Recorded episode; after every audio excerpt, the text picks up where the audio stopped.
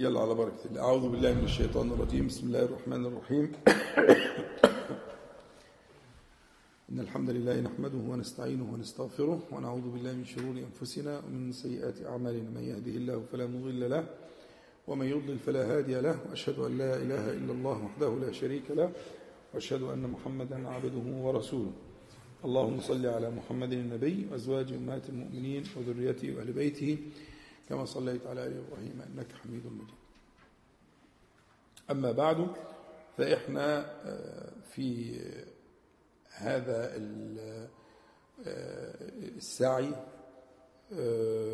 في هذا المرفق السلوكي في باب الفعل. كنا بدأنا في اللقاء الأخير في الكلام على دبر الصلاة. وقلت لك يعني أنت تتوقع مني أن أبدأ معك في أول الصلاة أو في يعني إذا كنا في الطهارة يبقى اتكلمنا في النداء والطهارة يبقى كان يتوقع ما بعد ذلك أول الصلاة فقفزت بك إلى إيه؟ إلى دبر الصلاة وقلت لك ستعرف لماذا اخترت لك وسنعود إن شاء الله تعالى أول الصلاة لكن أنا قلت اختياري لدبر الصلاة لأنها فيها معنى يهمني جدا في مقام الندم والتوبة والحسرة على ما فات في الصلاة. لأن فوتان الصلاة قسم مشترك بين أغلب المتدينين مش عموم الناس. أغلب المتدينين يشتكي من فوات الصلاة. فلا يدري ماذا قرأ وماذا قرئ عليه ولا يدري معاني الأوراد والتسبيحات وإلى آخره. فهو في آخر الصلاة الشعور العام اللي هتلاقيه مصاحب لنا في في في المشاهد السبعة اللي أنا ذكرتها وأذكركم بها إن شاء الله إنه في حالة من من التحسر والندم ومحاولة لاستدراك ما فات. فأنا هبدأ الصلاة من آخرها. علشان لما نبتدي من أولها تبقى أنت معايا إنه في حاجة في الآخر بتلملم الإيه؟ الضياع اللي إحنا شفناه وقلت لك قبل كده إن أنا بسأل أحيانا في من لا يدري أقرأ الفاتحة أم لم يقرأها؟ يسألني من الناحية الفقهية يعني. أقرأها ولا لا أقرأها؟ هذه الفاتحة الذي إذا قلت فيها الحمد لله رب العالمين قال الله تعالى الله تعالى حمدني عبدي. فإذا قلت الرحمن الرحيم قال أثنى علي عبدي. فإذا قلت مالك يوم الدين قال فوض إلي عبدي. وفي رواية مجدني عبدي. فإذا قلت إياك نعبد وإياك نستعين. قال هذا بيني وبين عبدي هذا عقد وميثاق. إن وفى وفيته. هذا بيني وبين عبدي ولعبدي ما سأل. فالغياب بالكلية لدرجة لا يدري أقرأها أم لم يقرأها؟ ده هو ده الذي أحكي عنه. هذه قصتي. الغياب في الصلاة إلى الحد إلى الحد الذي يصل إلى هذا السؤال. وبالتالي إحنا بدأنا بآخر الصلاة على قاعدة استدراك, استدراك ما يمكن استدراكه مما فات في الصلاة. وقلت لك إن إحنا في في دبر الصلاة اتكلمنا على دبر الشيء والشيء دبر الشيء جزء منه إلى آخره وقلنا إن دبر الصلاة هيشتمل عندي على معنى الحقيقة والمجاز. الجزء اللي في الحقيقة اللي هو الجلوس وهيئته ده جزء حقيقي من دبر الصلاة. وقلنا من دبر الصلاة التحيات والتشهد والصلاة على حضرة النبي عليه الصلاة والسلام. دي أشياء حقيقية من دبر الصلاة. يبقى بعد كده الذكر والدعاء بعد الصلاة على النبي عليه الصلاة والسلام. ولا نزال في دبر الصلاة. ثم التسليم والالتفات الوجه هنا وهناك. ثم بعد ذلك الذكر بعد التسليم وده بيلحق. بيلحق بإيه؟ بدبر الصلاة. وما جاور الشيء يمكن أن يلحق به.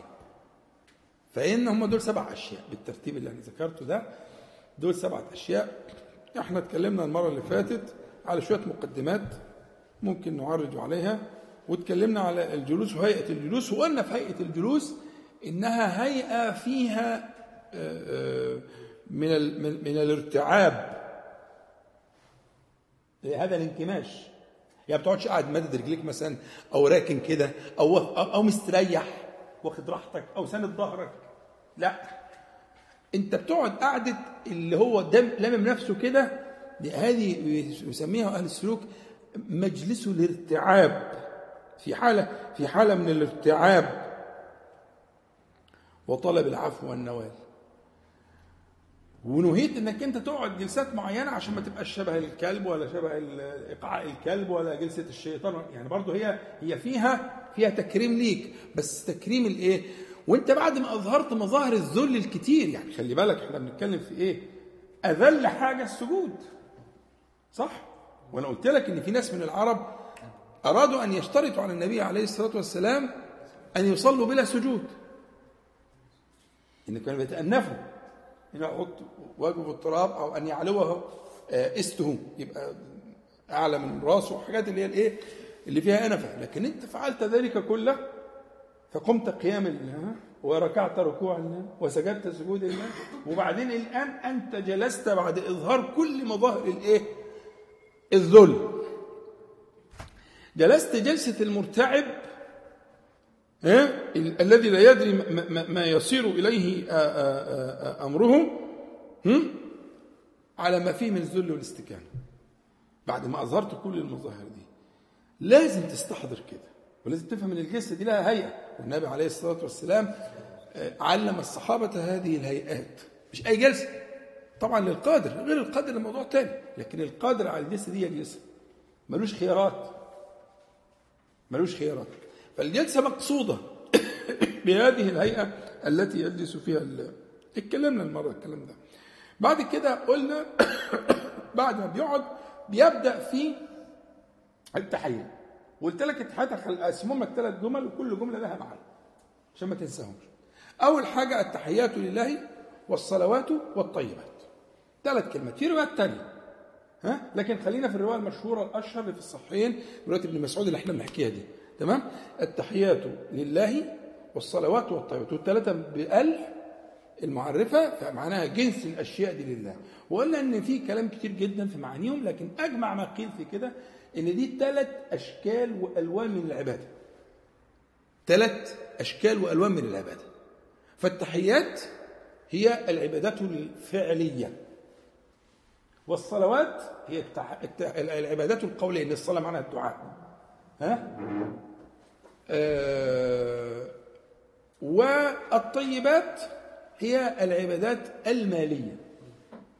النفقة الطيبة فكأنك أنت جايب الصفة وحذفت الموصوف فتقول كل العبادات الفعلية لك وكل العبادات القولية لك وكل العبادات المالية لك وحدك لا شريك لك. دي معناها كده. لأن هم لما النبي عليه الصلاة والسلام قال لهم لا تقولوا السلام على الله فإن الله هو إيه؟ السلام أما نعمل إيه؟ نقول التح... ولكن قولوا التحيات لله والصلوات والطيبات فأنت تقول السلام لكل الخلق لكل المخلوق لأنه من الله وهشرحها إن شاء الله بإذن الله الليلة دي لكن إنما أردت أن تسلم على الله تعالى فقل ثلاث حاجات العبادات الفعلية كلها لك والعبادات القولية كلها لك للصلوات والعبادات المالية كلها لك فكل عبادتي لك. يبقى إحنا اتفقنا؟ نعم. التحيات عبادات فعلية. آه يعني كل يعني الركوع والسجود والطواف والنحر والعطاء والمنع والأمر والنهي كله لك. ما أفعل ذلك؟ أو هكذا ينبغي أن يكون الأمر. كل ما هو من العبادات الفعلية فهي لك. مش حاسس إن كلمة التحيات بتعبر عن تحيات قولية قولية لا الصلوات قولية الصلاة هي الدعاء. إن الله وملائكته يصلون على النبي. الصلاة كلمة الصلاة أصلا هي كلمة دعاء فالدعاء. فالصلوات هي القولية. والطيبات هي المالية والتحيات هي الفعلية. فعل الجوارح الأركان الركوع والسجود والقيام وقيل غير ذلك. أجمع ما قيل ده أجمع ما قيل. يعني أنا بجيب لك لأن طبعا أنت ممكن تلاقي عشرات الصفحات في المسألة دي. لكن باختصار من أجمع ما قيل أنها عنوان للعبادات الفعلية عنوان للعبادات القولية عنوان للعبادات الإيه؟ المالية. كلها لك. وهكذا نهاهم النبي صلى الله عليه وسلم أن يقولوا السلام على الله فإن الله هو السلام ولكن قولوا ده في البخاري الحديث تمام؟ ولكن قولوا طيب آه الجملة الثانية قلت لك ثلاث جمل مش كده؟ الجملة الثانية السلام عليك أيها النبي ورحمة الله وبركاته. حلو قوي إحنا لما نقول كا لما قلت لك المرة اللي فاتت يبقى معناها إيه؟ خطاب. فأنت تخاطب الحاضر. تخاطب الإيه؟ الحاضر. لكن لو غائب تستخدم ضمير الغائب تقول عليه أو على النبي. عليه الصلاة والسلام صح.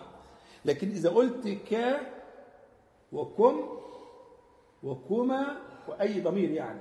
بعد الكاف دي الكاف دي تركب عليها ضمير.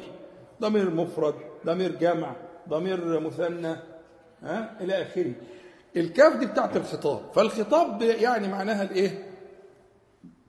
معناها الحضور. فأنت لا تخاطب الغائب ولكن تخاطب الذي حضر. وقلنا إن في معنى جميل جدا في المعنى ده إنما أنت فيه إنما هو ببركة النبي. فكأنك وجدت النبي صلى الله عليه وسلم قد حضر. ها؟ سيما وإن الصيغة دي إنما قيلت في المعراج. الله تعالى قال السلام عليك أيها النبي. فكأنه قد حضر صلى الله عليه وسلم. وقلت لك إن المسألة بس ممكن أعمل لها قاعدة لوحدها. ممكن مش دلوقتي لأهميتها إن فكرة أن النبي عليه الصلاة والسلام يبلغ عنكم السلام. في ملائكة وكلها الله تعالى بتبليغ السلام للنبي عليه السلام في قبره. والنبي عليه الصلاة والسلام يحيا في قبره حياة برزخية بالأحاديث الصحيحة المقطوع فيها وكل الأنبياء كذلك يحيون في قبورهم بس حياة برزخية زي حياة الشهداء كده أحياء عند ربهم. حياة ليست كحياة الدنيا وليست كحياة الآخرة ولكنها حياة برزخية تليق بمقامهم. والأنبياء أحياء في قبورهم يصلون كما صح في الحديث. وفي الإسراء مر النبي صلى الله عليه وسلم بموسى في قبره قائما يصلي في قبره. الحديث صحيح. حديث كتير الموضوع بس خليها إيه تبقى قاعدة لأنها فيها شوية حاجات جميلة. وممكن نتكلم شوية على أداب الزيارة. لما تروح الحجرة الشريفة وتعلم حينها أن الله تعالى يوكل ملكا بتبليغ النبي صلى الله عليه وسلم أن فلان ابن فلان يقرئك السلام إلى آخره. في في مسألة ثانية اللي هي عرض الأعمال. أعمال الأمة على النبي عليه الصلاة والسلام. فخلي الموضوع كله على بعضه لكن الأولاني ده مؤكد. الثاني في كلام اللي هو عرض الأعمال. لكن ده مؤكد تبليغ السلام فأنت لما تقول السلام عليك أنت حصل التفات هنا وكأن النبي عليه الصلاة والسلام قد حضر. ودي منحة عجيبة وفذة في الصلاة. تمنحك هذه المنحة أن تسلم على النبي عليه الصلاة والسلام. كأنه موجود وأنك بين يديه. وأنت قاعد في هذه الجلسة اللي فيها من الأدب والارتعاب فالتفت فوجدت التفت بالكاف. التفت ده التفات لغوي. التفت بالكاف فوجدت النبي صلى الله عليه وسلم. فقلت السلام عليك أيها النبي ورحمة الله وبركاته. ثم توجهت إيه السلام علينا وعلى عباد الله الصالحين. وصح في البخاري ومسلم أنها تصيب كل عبد صالح بين السماء والأرض. ولذلك قالوا إن الصلاة فيها حق للعباد. فأنت يسلم عليك وأنت تسلم عليهم. ففي تشابك للسلام بين المؤمنين وعباد الله الصالحين اللي هم من الإنس ومن الجن والملائكة الكرام. طبعا. السلام علينا وعلى عباد الله الصالحين. فأنت تسلم على المؤمنين من بني آدم ومن صالح الجن ومن الملائكة. وهذا يتكرر في كل صلاة وفي كل تشهد. ولذلك قالوا دي من حقوق العباد على بعضها فالذي يترك الصلاة أو بقى الذي يغفل عن هذه المعاني يحرم. لأنه يسلم ويسلم عليه. واحد لما نبسط السلام هتفهم معنى اللي أقوله ده إن شاء الله. لأن اسم الله تعالى السلام ده آه، يعني آه، عايز درس مستقل. هنفهم إن شاء الله دلوقتي. هنقول بإذن الله. ده اللي هنقوله إن شاء الله. فيبقى آه، السلام علينا وعلى عباد الله الصالحين. كما صح في البخاري ومسلم أصابت كل عبد صالح كل مؤمن بين السماء والأرض. ولك منها نصيب ولأهل الإيمان منها نصيب. آه، وبعد كده التشهد وقلت لك التشهد لفظ لا ينيب عينه غيره عنه. صح؟ مش قلنا الكلام ده؟ حتى لو كان في الظاهر في المعنى قوي. أعلم أعرف أوقن ولا حاجة من دي. ما يخشش الإسلام. لو أنا يخش الإسلام بلفظ غير أشهد ما ينفعش. ليه؟ شرحنا الكلام ده بس أنا بعيد بسرعة كده. إن قضية الشهود عندك أنت شاهد شاهد في القضية دي. شهدت. عندك ال ال ال ال ال ال رأيت الأدلة القاطعة على وحدانية الله تعالى وعلى صدق النبي عليه الصلاة والسلام اللي بيسموها دلائل النبوة. فعندك الش الش الشهود. فأنت شاهد مش حكوا لك. والله أنا حكوا لي ومتأكد ناس طيبين لا ما ينفعناش. علمت؟ لا ما علمتش. ما تلزمنيش. عرفت؟ لا ما عرفتش. مش ده المطلوب. إحنا عايزين منك حاجة تانية. عايزين منك شهود خلاص؟ ثم ياتي بعد ذلك. أنا بختصر طبعا للنبي. أول حاجة جديدة هنقولها بقى يأتي بعد ذلك الصلاة على النبي عليه الصلاة والسلام. ما أحلاها وما أجملها بعد الالتفات والشهود. مش هقول أكتر من كده. والله ما أجملها. إذا وفقت لمعنى الالتفات إنك التفت فوجدت النبي فقلت عليك ثم شهدت بوحدانية الله تعالى وبصدق من بلغ عنه صلى الله عليه وسلم ساعة ما هتصلي على النبي عليه الصلاة والسلام بعد حصول هذا الرزق من آه الالتفات. يا أخي سبحانك يا رب. الالتفات. فوجدته في بهائه وفي نوره عليه الصلاة والسلام. قاعد. وتقول له عليك. عليك. ها؟ وددت حديث صحيح. وددت أن لو رأينا إخواننا. قالوا أولسنا إخوانك يا رسول الله؟ قال لا أنتم أصحابي. ولكن إخواننا أناس يأتون من بعدي. يود أحدهم لو رآني بأهله وماله.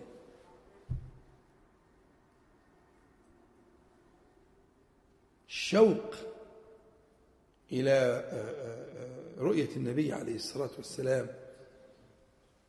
وإلى ملاقاته يأتيك روح من ذلك في الصلاة فتقول السلام عليك عليك. في في هذه الحضرة النبوية المباركة وهذا النور النبوي في مجلسه المهيب السلام عليك أيها النبي ورحمة الله وبركاته. فتأتي الصلاة هنا في بركة الإيه؟ في بركة هذا الالتفات وما كان من الشهود شهود الأدلة القاطعة على صدقه فتكون عرفانا ومن صلى علي صلاة صلى الله عليه بها عشرة. والله يضاعف لمن يشاء.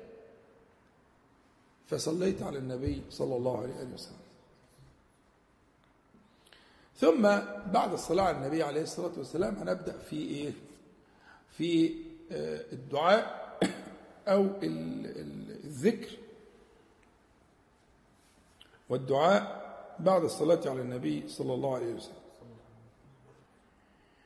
النبي عليه الصلاة والسلام في الصحيحين قال ما معناه إذا فرغ أحدكم من التشهد فليستعذ بالله من أربع. فليستعذ بالله من أربع.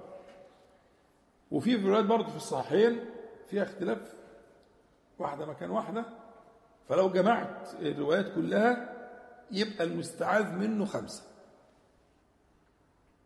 يبقى المستعاذ منه إيه؟ خمسة. فأمر عليه الصلاة والسلام لمن فرغ من آه، التشهد الأخير مش الأوسط التشهد الأخير. أن يتعوذ من عذاب جهنم ومن عذاب القبر ومن فتنة المحيا والممات ومن شر فتنة المسيح الدجال أو المسيخ الدجال كلاهما صحيح ومن المأثم والمغر يبقى كده خمسة بمجموع الروايات هم خمسة تمام؟ من المأثم والمغر أي ولو غيرت الترتيب لا شيء. لأن في روايات فيها فيها تغيير الترتيب. فيها تغيير الترتيب. فتنة المحيا والممات. آه. يعني آه. هم كده. ما ده ده الرواية اللي فيها أربعة. اللي فيها أربعة من عذاب جهنم ومن عذاب القبر ومن فتنة المحيا والممات ومن شر فتنة المسيح الدجال أو المسيح الدجال. سيان خلاص؟ ده الاربعه وبعدين في بعض الروايات برضه في الصحيح. البخاري ومسلم إيه إيه إيه إيه من المأثم والمغرم. فلو جمعت الروايات كلها ودي طريقة حسنة جدا قلت لكم عليها وده مذهب الإمام النووي وكثير من من الأئمة إنه الجمع بين الروايات. وهتيجي عندنا واحدة جاية دلوقتي برضه في نفس المكان في رواية في قصة آه، حديث أبي بكر. ظلمت نفسي ظلما كثيرا وفي رواية كبيرة. فيرى النووي والأئمة رحمهم الله تعالى أن تقول ظلما كثيرا كبيرا. قلت لكم على كده في أذكار الصباح إلى آخره؟ آه، شر الشيطان وشركه من شر الشيطان وشركه. قول الاثنين. من شر قول كده الاثنين لأن دول روايتين صحيحتان. روايتان صحيحتان. قالهما النبي عليه الصلاة والسلام. فقال شركي وقال شركي فأنت تقولهم. قال ظلما كثيرا وكبيرا تقولهم. هم؟ أنت محتاج إلى ذلك. تفضل هقول كل حاجة إن شاء الله. أنا بعددهم بس أنا بحفظ علشان لكن إن شاء الله أشرحهم كلمة كلمة إن شاء الله. تفضل أيوة. من شر الشيطان وشركه من شر الشيطان وشركه. وأنا أقترف على نفسي سوءا أو أجر كمل بقى. أو أجر إلى مسلم. كمل. لكن وأنت ماشي إذا كان في روايتين صحيحتين في في موضع قولهم. والنووي منتصر للمسألة دي كتير وكاتب فيها كلام كويس يعني. حب يرجع له في الكتاب الأذكار. يبقى اتفقنا إن الاستعاذة من إيه؟ أمره عليه الصلاة والسلام. إذا فرغ أحدكم من من التشهد فليستعذ بالله من أربعة وهم بقوا خمسة بجمع الروايات اللي إحنا اتفقنا عليها. أول حاجة من عذاب جهنم نسأل الله تعالى العافية. و- ومن عذاب القبر ودول معناها إن هم في أنواع من العذاب مختلفة. مش شرط اللي يتعذب في القبر يعذب في جهنم. ليس شرط. ممكن يكون دفع الضريبة خلاص. بس عذاب القبر طويل. طويل جدا. ها؟ وله أسبابه. يعني عذاب القبر له أسبابه. آه وله أدلة آه، شبه صريحة في القرآن الكريم وأدلته في السنة مقطوع بها. زي المعنى ده. نعم. عذاب أليم وعذاب مهين آه حاضر. حاضر. اشرحها. بس ناخد الاثنين على بعض. لأن ده عذاب جهنم وده بس أنا عايز أفرق الأول إن عذاب القبر ده النار يعرضون عليها غدوا وعشيا. ويوم القيامة أدخلوا آل فرعون أشد العذاب.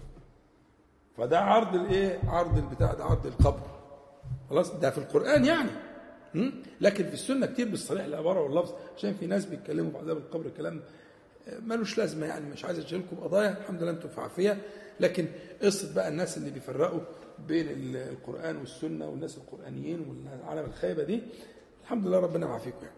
لكن تبقى عندك فكرة يعني إن في ناس بت- بتضحى في المنطقة دي وهذا عبث.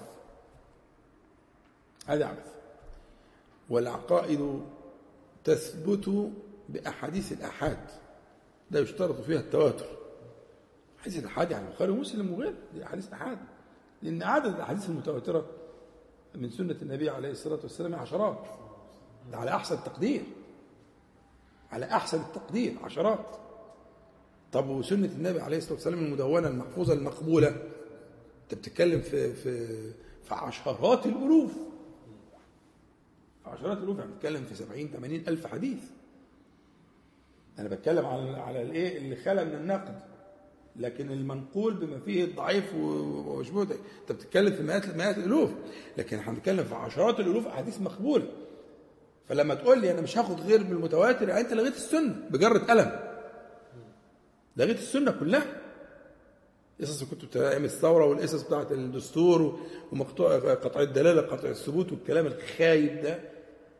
بيستغلوا جهل الناس ويشغلوا الناس بالقضايا ويسيبوهم كده ينتطحون. لكن القضية غير كده. المهم خلينا في الجو الجميل اللي إحنا فيه. مش عايزين نعكر الجو بذكر العالم المقرفة دي. ها؟ آه. خلينا في الجو الجميل. ف آه، يبقى إحنا بنتكلم على الاستعاذة من نوعي العذاب. وطبعا في عذاب في الدنيا بس له أسماء تانية. الحرمان من الأنس بالله تعالى ومن ذكره هو عين عذاب الدنيا.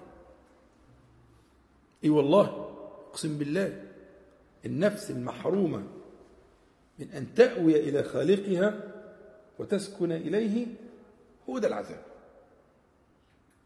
الذي لا يجد حلاوة ذكر الله تعالى هو ده المعذب في الأرض. والذي وجد الله تعالى واطمأن إليه وسكن لا يضره شيء ما دامت السماوات والأرض. لا يضر شيء. لكن خلينا في اللفظ اللي هو عذاب جهنم وعذاب القبر. هي المادة أصلا مادة العين والذال والباء. دي مادة امتناع. مادة امتناع ومنع. العرب بتقول كده عذب الفرس يعني امتنع إلى آخره. فهو الفكرة فكرة العذاب هي فكرة القيد والحبس. ولذلك زي ما باشمهندس أحمد بيقول بنلاقي في القرآن عذاب الحريق عذاب غليظ عذاب عظيم عذاب مقيم عذاب جهنم. لا. عذاب النار. طب هي مش النار هي العذاب؟ لا النار مش العذاب. ده العذاب ده هو القيد والحبس? في هذه الألوان بقى. في هذه الألوان. ولذلك لما تتوصف بقى بوصف دقيق زي مثلا وهم يصطرخون فيها ربنا أخرجنا منها. آه، آه، إنها عليهم مؤصدة في عمد ممددة. الأبواب وال- والصريخ وال- هي الفكرة فكرة إن العذاب ده هو هو الحبس على ألوان من الإيه؟ من الآلام. ألوان من الآلام المختلفة أشكال مختلفة. مقيم. مهين. تيجي مهين في مناسبة اللي كان بيتكبر وبيتقام مش عارف إيه وبيذل خلق الله يبقى عذابه اسمه مهين. يجي اللي مش عارف إيه يقول بقت عذابه مقيم. هنا بقت عذاب عظيم. ها؟ هنا عذاب النار. هنا عذاب الحريق. فاهم الفكرة؟ هي الفكرة إنه ده وصف إنما قيد وحبس وتسلط عليه هذه الألوان من الآلام المختلفة. وكل بحسب كل بحسبه. ولذلك النبي عليه الصلاة والسلام في المعراج لما رأى ناس من أصناف أهل النار شاف ألوان مختلفة. مش كله بيتعذب عذاب واحد ولا بشكل واحد ولا بطريقة واحدة. تتنوعت عشان يكون الجزاء من جنس العمل. زي ما في الثواب في العقاب. زي ما في الثواب في العقاب. ها؟ فالمنافقون لهم عذاب يناسب ما كانوا عليه. والمتكبرون والجبابرة في الأرض لهم عذاب يطأهم الناس بأقدامهم. كالذر. ها؟ واخد بالك؟ الجماعة بتوع البارانويا بتوع جنون العظمة دول. لازم ينداسوا بالأقدام؟ أرنا اللذين. ها؟ أضلانا. ها؟ نجعلهما إيه؟ شفت الغل؟ ده دول مع بعض. لكن برضه دي ألوان. ألوان من الآلام المختلفة تناسبت مع ال- الأشكال. فالمستعيذ طبعا الحاضر الغائب ده ربنا يهديني ويهديه. لكن الحاضر المستعيذ هيستعيذ من كل هذه الأشكال. وعذاب القبر له أشكاله بقى. الشجاع الأقرع في الحديث الصحيح. وإلى آخره والمرزبات والضرب والإيه؟ ها؟ ويضيق حتى تختلف أضلاعه غير تاني طبعا يفسح له ويرى مقعده من الجنة في, في الإيه؟ ويبشر ها؟ ربنا يجعلنا وإياكم منهم. يعني الفكرة أنت بتتكلم بتستحضر هذه الألوان من الآلام بتستحضرها وتستعيذ بالله منها. والعوز العوز معناه اللجوء والتحصن. مادة العوز هي مادة لجوء وتحصن. خدت بالك؟ زي ما ضربت لكم المثل بتاع ال- ال- الإمام الغزالي يقول لك أعوذ بهذا الحصن من ذاك الأسد. وما دخلش. ده اللي بيقول أعوذ بقلب إيه؟ غافل. ومثل الذي يتعوذ بقلب حاضر كالذي دخل الحصن وأغلقه وقال أعوذ بهذا الحصن من ذاك الأسد. الاثنين متعوذين. واحد متعوذ وغائب فده لسه واقف والأسد جاي لك.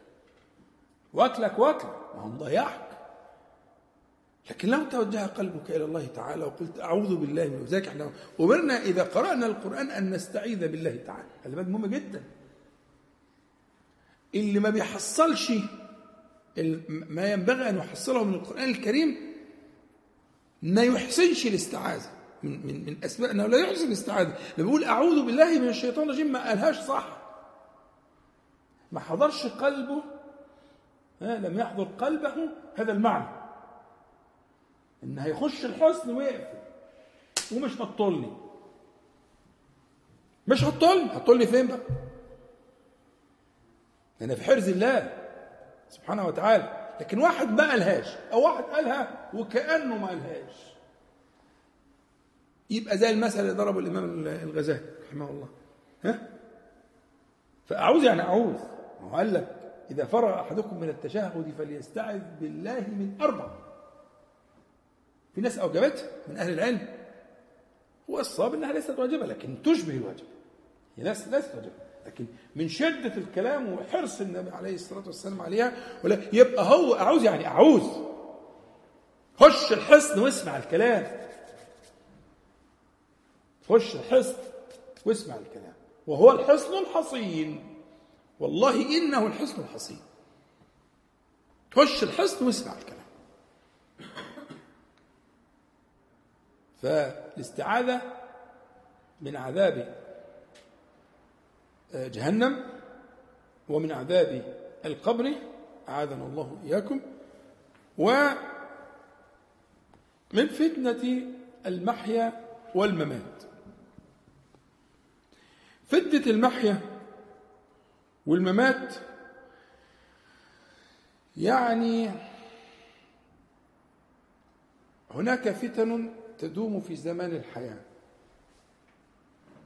وهناك فتن تكون عند زمان الموت. والحياة الدنيا هي في الحقيقة دار ابتلاء. الذي خلق الموت والحياة ليبلوكم. وهنا الفتنة بمعنى الابتلاء الاختبار يعني. الذي قد يضر وقد يؤذي. فمن تعوذ بالله تعالى من فتن الدنيا فتن الحياة الزمان الحياة وتعوذ بالله تبارك وتعالى من فتن آه، حين الممات فإن الله تبارك وتعالى يقيه فتكون حياته خالية عن الافتتان. ولو لكم الحديث العظيم في صحيح مسلم اللي هو تعرض الفتن على القلوب كعرض الحصير عودا عودا يعني بتأثر في القلب زي ما انت بتأثر فيك الحصير لو نمت عليه شوية. شفت العلامات الحصير اللي بتبقى على إيدك؟ ها؟ وعلى رجلك؟ أهي بالظبط. كذا تصنع الفتن في القلوب فلا بد منها. لسه قايلين اهو خلق الموت والحياة ها؟ لازم فتنة مال آه نساء آه عيال آه جاه آه سلطان آه كله كله. مفيش حد معفن ومش كله زي بعضه. في واحد المال ما يهزش في شعره لكن النساء توديه في ستين داهية. في واحد نساء الدنيا كلها ما تهزش في شعره. بس الجنيه خليه يركع. في واحد لا يهمه لا مال ولا نساء عايز العلو عايز العلو ويبذل في ذلك كل شيء. فكل الفتن أنواع وأشكال وال- والطبائع البشرية مختلفة. وتنوعت. ولذلك قال عليه الصلاة والسلام تعرض الفتن الفتن على القلوب كعرض الحصير عودا عودا. فلا بد منها. هتعمل الأثر اللي هو بعد شوية أثر ال- ال- الحصيرة دي. بيروح ولا ما بيروحش؟ بيروح. بيروح. تمام؟ هينقسم الناس بقى. هينقسم الناس. تعرض الفتن على القلوب كعرض الحصير عودا فأي قلب أشربها نكتت فيه نكتة سوداء. وأي قلب أنكرها نكتت فيه نكتة بيضاء. حتى حتى في نهاية المحي بقى حتى ويكون أثره في الممات حتى تصير القلوب على قلبين وخلي بالك كلمة أشربها دي كلمة جامدة قوي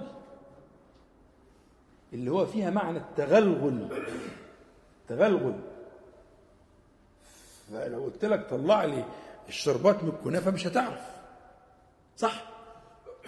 ربنا سبحانه وتعالى وصف الوصف ده.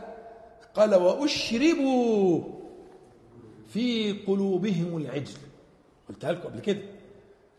مش العجل نفسه يعني بضوافره وبرجليه وقرونه لا هنا في مضاف محذوف. آه وأشربوا في قلوبهم حب العجل عقوبة. دي عقوبة ربنا عاقبهم. لأن مين الفاعل؟ أصل اشربوا دي مبني لما لم يسمى فاعله. صح؟ ففي فاعل. مين اللي سأل القلوب دي؟ حب العجل ربنا.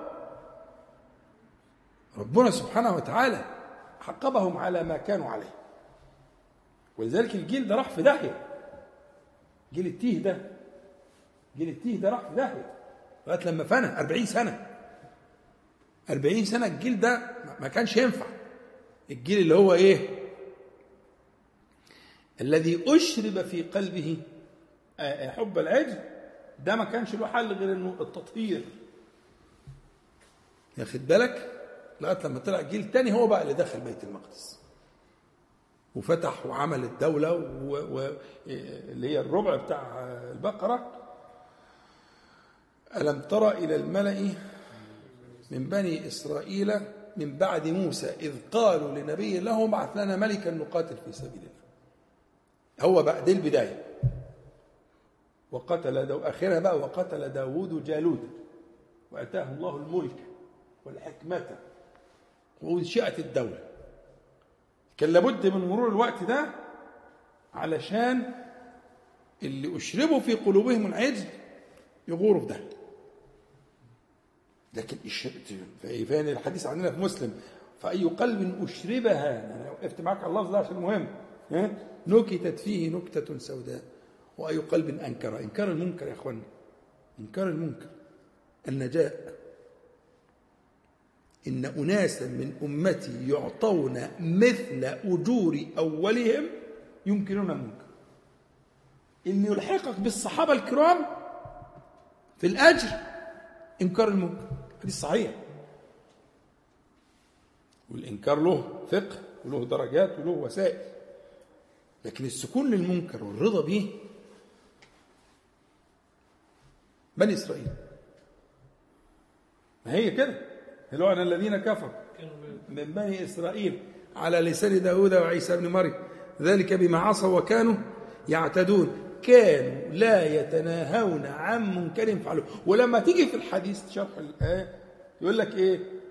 يا فلان اتق الله ودع ما تصنع. يعني قال له ولم ولم يسمى ذلك إنكارا. فيقول فلا يمنعه ذلك أن يكون أكيله وشريبه يا أخي سيبك من الحاجات دي بقى وكده وقاعدين بقى إيه نخلص الايه القعدة والجو الجميل ولا يمنع ذلك أن يكون اكيله وشريبه إن أناسا من أمتي يعطون مثل أجور أولهم ينكرون المنكر.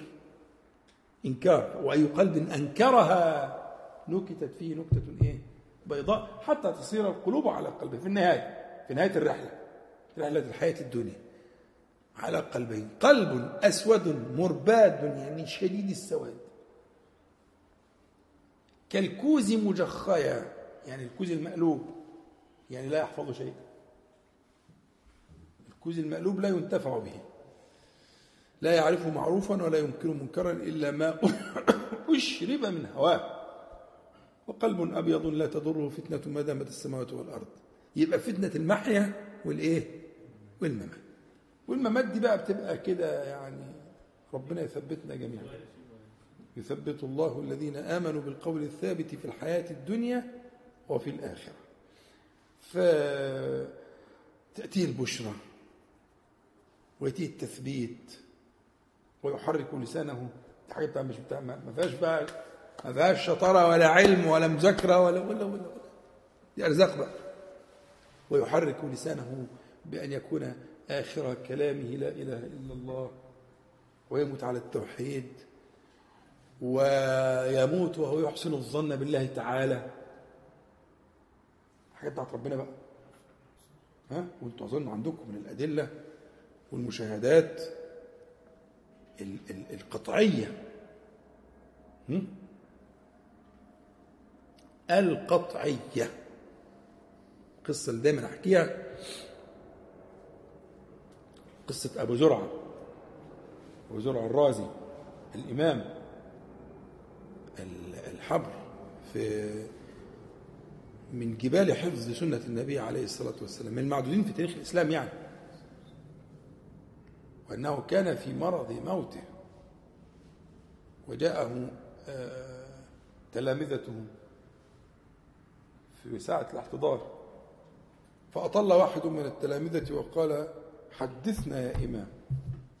فنظر إليه الجميع نظر الشجر يعني إيه ينكرون عليه. وده وقته حدثنا يا إمام. فبدأ في التحديث. قال حدثنا فلان. قال حدثنا فلان. قال حدث قال رسول الله صلى الله عليه وسلم من كان آخر كلامه من الدنيا لا إله إلا الله ثم فضت روحه ثم فضت روحه ده خادم من خدام سنة النبي عليه الصلاة والسلام. جبل من جبال حفظ سنة النبي عليه الصلاة والسلام. فكأن الله أنطق ال- ال- ال- التلميذ ده عشان يكون الايه ال- الحال المشرف ده. يثبت الله. الذين آمنوا بالقول الثابت في الحياة الدنيا وفي الآخرة. يختموا حياتهم كده. ها؟ أنتوا ما شفتوش الشيخ كشك ولا سمعتوه؟ اللي شافه لا سمعتوه يعني شفته. تمام. يا بختك. يا بختك. يا بختك. الشيخ كشك مات ساجدا في سنة الفجر.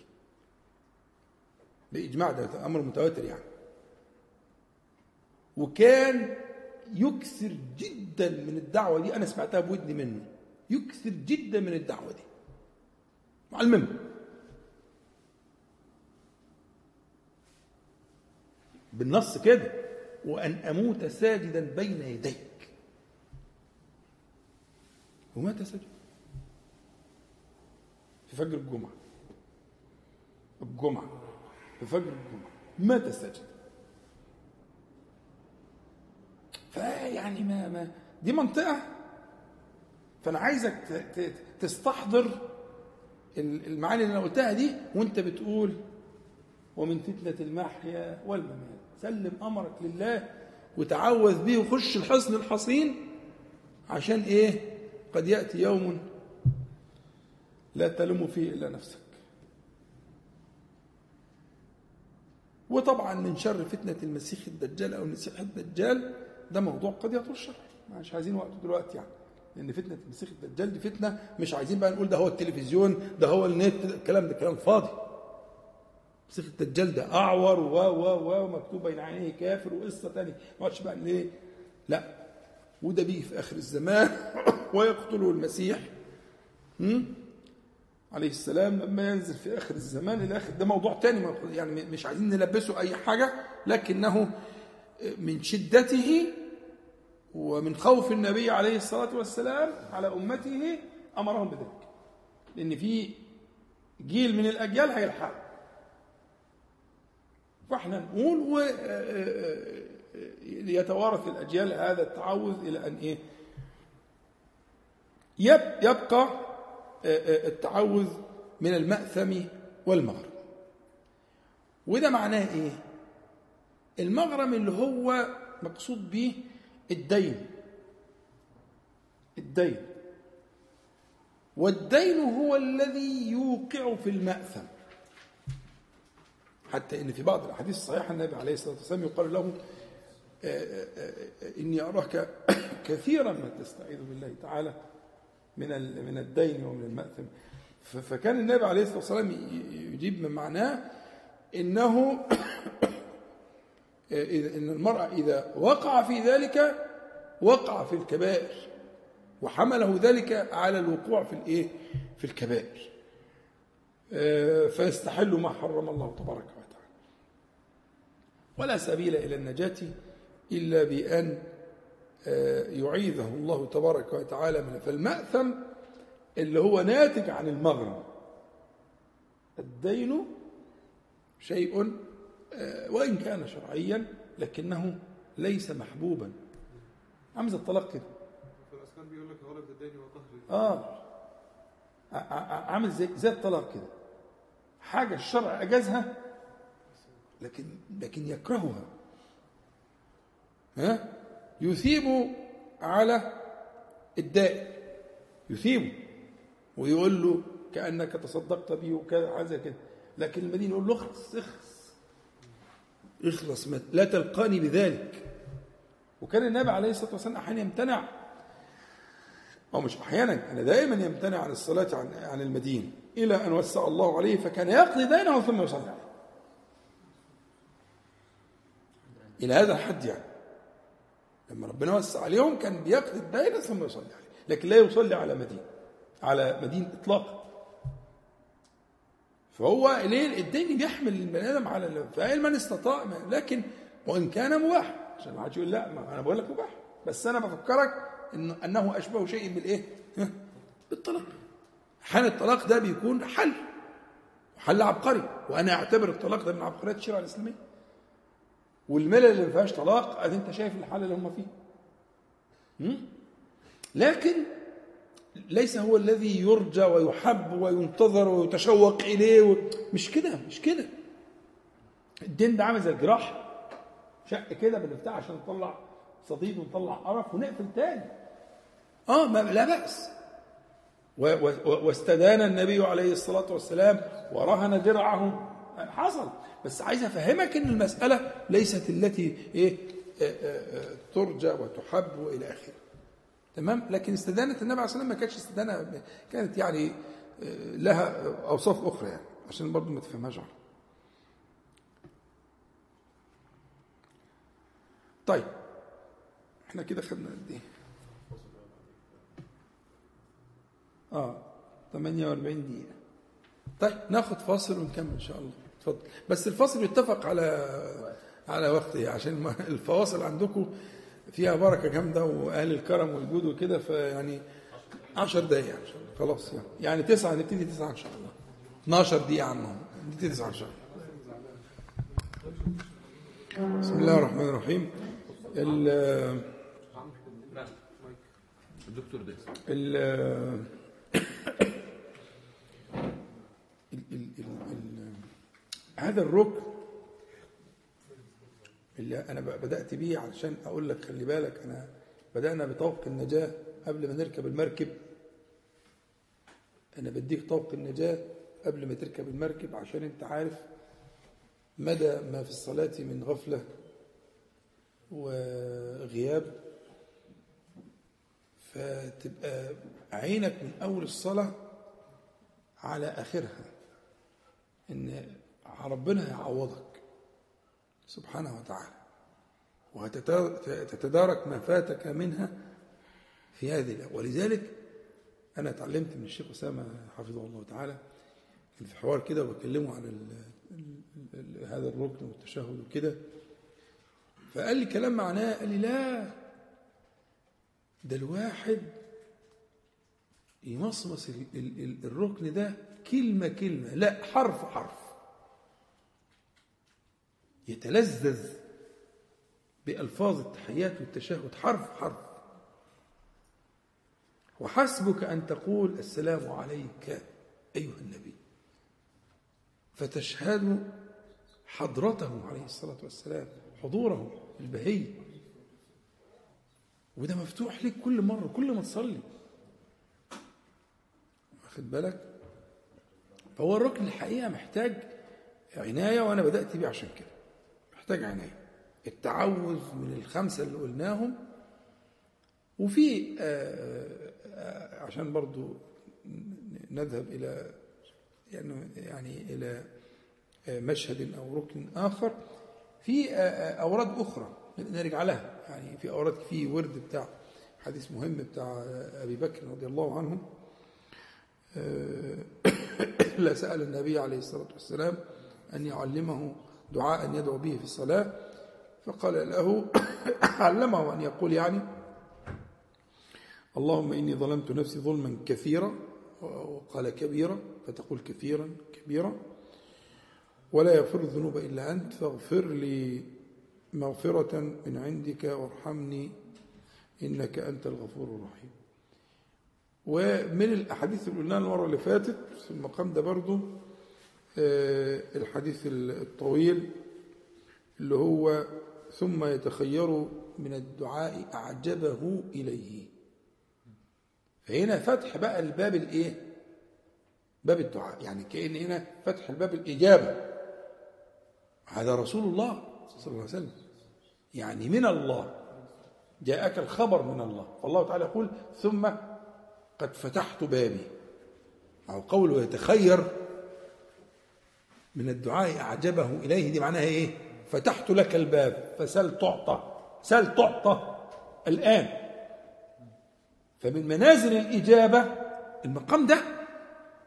ولقوله ثم يتخير. مش ممكن الملك يخيرك وبعد كده إيه؟ يمنعك. ابدا. حاشاه. الملك يخيرك. ها؟ الملك يخيرك ليعطيك. ما يقول لك يتخير من الدعاء أعجبه إليه ما هو مش بيخيرك عشان يمنعك مش بيخيرك عشان يحرمك. إنما خيرك ليعطيك. ها؟ حديث ابن مسعود قلت لكم عليه. ثم يتخير من الدعاء أعجبه إليه. تبقى أنت مجهز نفسك بقى. الحاجات اللي انت بتخاف تروح منك. يعني انت ممكن يعدي يوم واثنين وثلاثة وممكن أكتر ما تدعيش لوالديك مثلا. طب ما تخلي ليهم نصيب في المقام ده. مش هو اللي قال وقل وقل ها؟ وقل رب ارحمهما كما رباني صغيرا. ده اللي أمرك بكده. طب ما يا أخي ما تخلي لهم نصيب؟ إلى آخره يعني. يعني أقصد فكرة إنك أنت قد فتح الباب هو الذي فتح سبحانه وتعالى. هذا رسوله؟ عليه الصلاة والسلام. يقول لك ثم يتخير من الدعاء أعجبه إليه. خيار خيار الدعاء.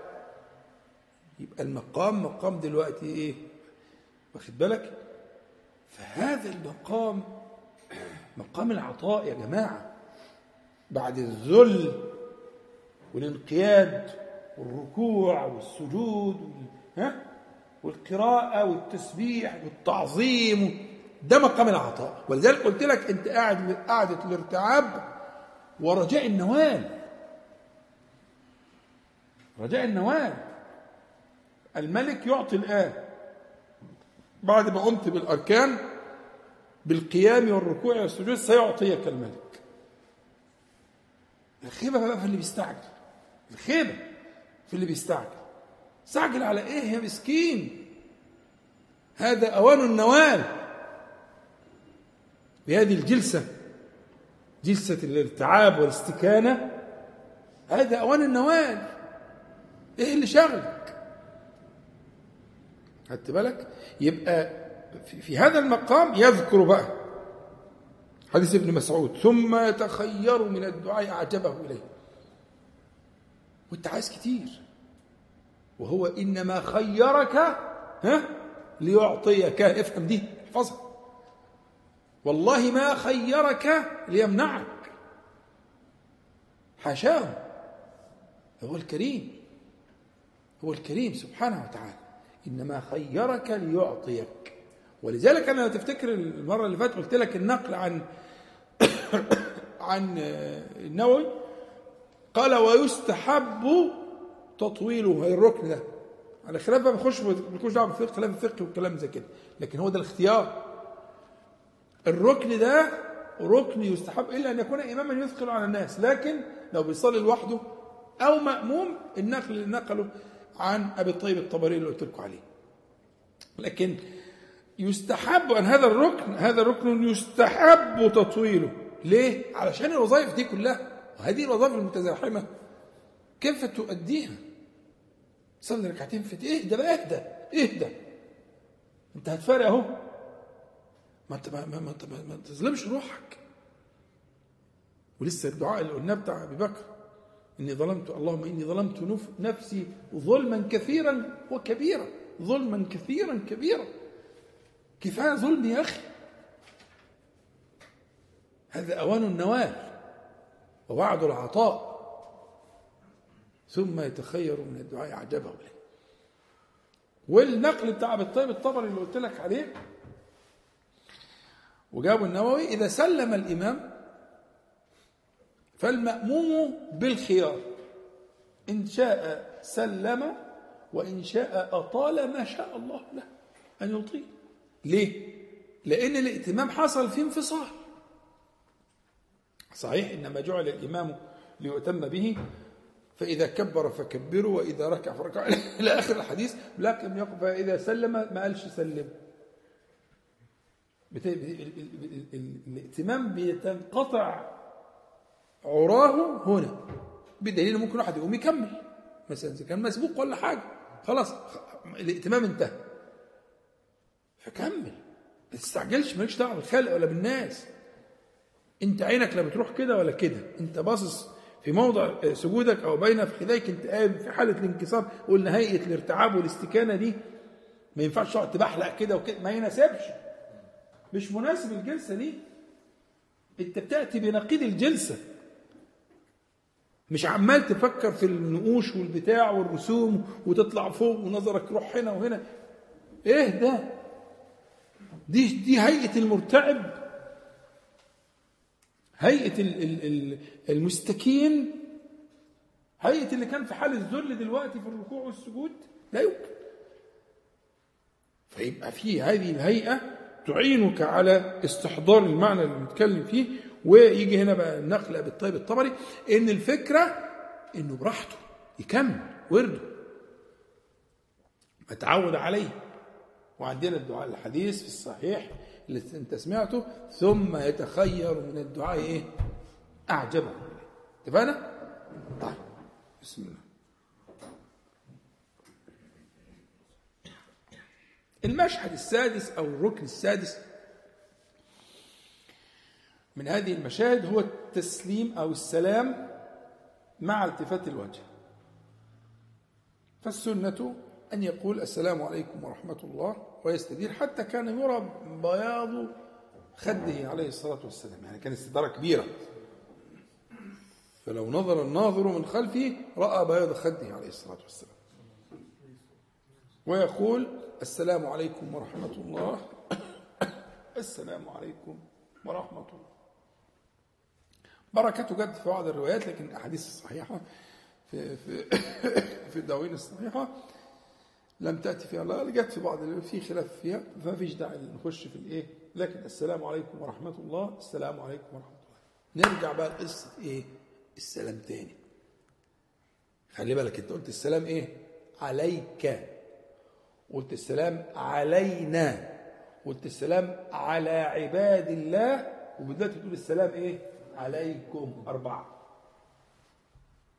أربعة. أربعة ما تنساهمش. بدأتهم بأخطرهم. آه عليه الصلاة والسلام. حضرة النبي عليه الصلاة والسلام. السلام عليك. الواحد مش عايز يسيبها. أقسم بالله ما الواحد عايز يسيبها. لو يعرف يقف عندها بس ما ينفعش. مش سنة. لكن الواحد مش عايز يسيبها. السلام عليك. أيها النبي ورحمة الله وبركاته. وبعدين السلام علينا. والسلام على عباد الله الصالحين ودلوقتي انت بتقول السلام إيه؟ كم عليكم وأنا قلت لك إن الكاف دي كاف إيه؟ ها؟ خطاب والخطاب لا يخاطب الغائب إنما يخاطب الإيه؟ الحاضر يبقى الكاف بتاعته عليكم دي للحاضرين مين الحاضرين؟ الحاضرين المؤمنون وصالح الجن الحاضرون والملائكة الكرام المؤمنون المصلون يعني؟ آه. المؤمنون الحاضرون. إذا كنت بتصلي في جماعة. أو في أهل بيتك. أو معك حد. فإن كنت خاليا مش حد خالص يبقى بتصلي. بتسلم على الصالح من الجن. لأنهم يحبون يحبون ذلك. وصلى خلف النبي عليه الصلاة والسلام وإذ صرفنا إليك نفرا من الجن يستمعون القرآن فلما حضروه قالوا أنصتوا؟ فبيحضروا صالح الجن يشهدون منازل الإيمان. والملائكة الكرام. دول بقى اللي إيه؟ وظائف لهم وظائف. والملك يشاركك حتى يدني فاه من فيك. حين تقرأ القرآن.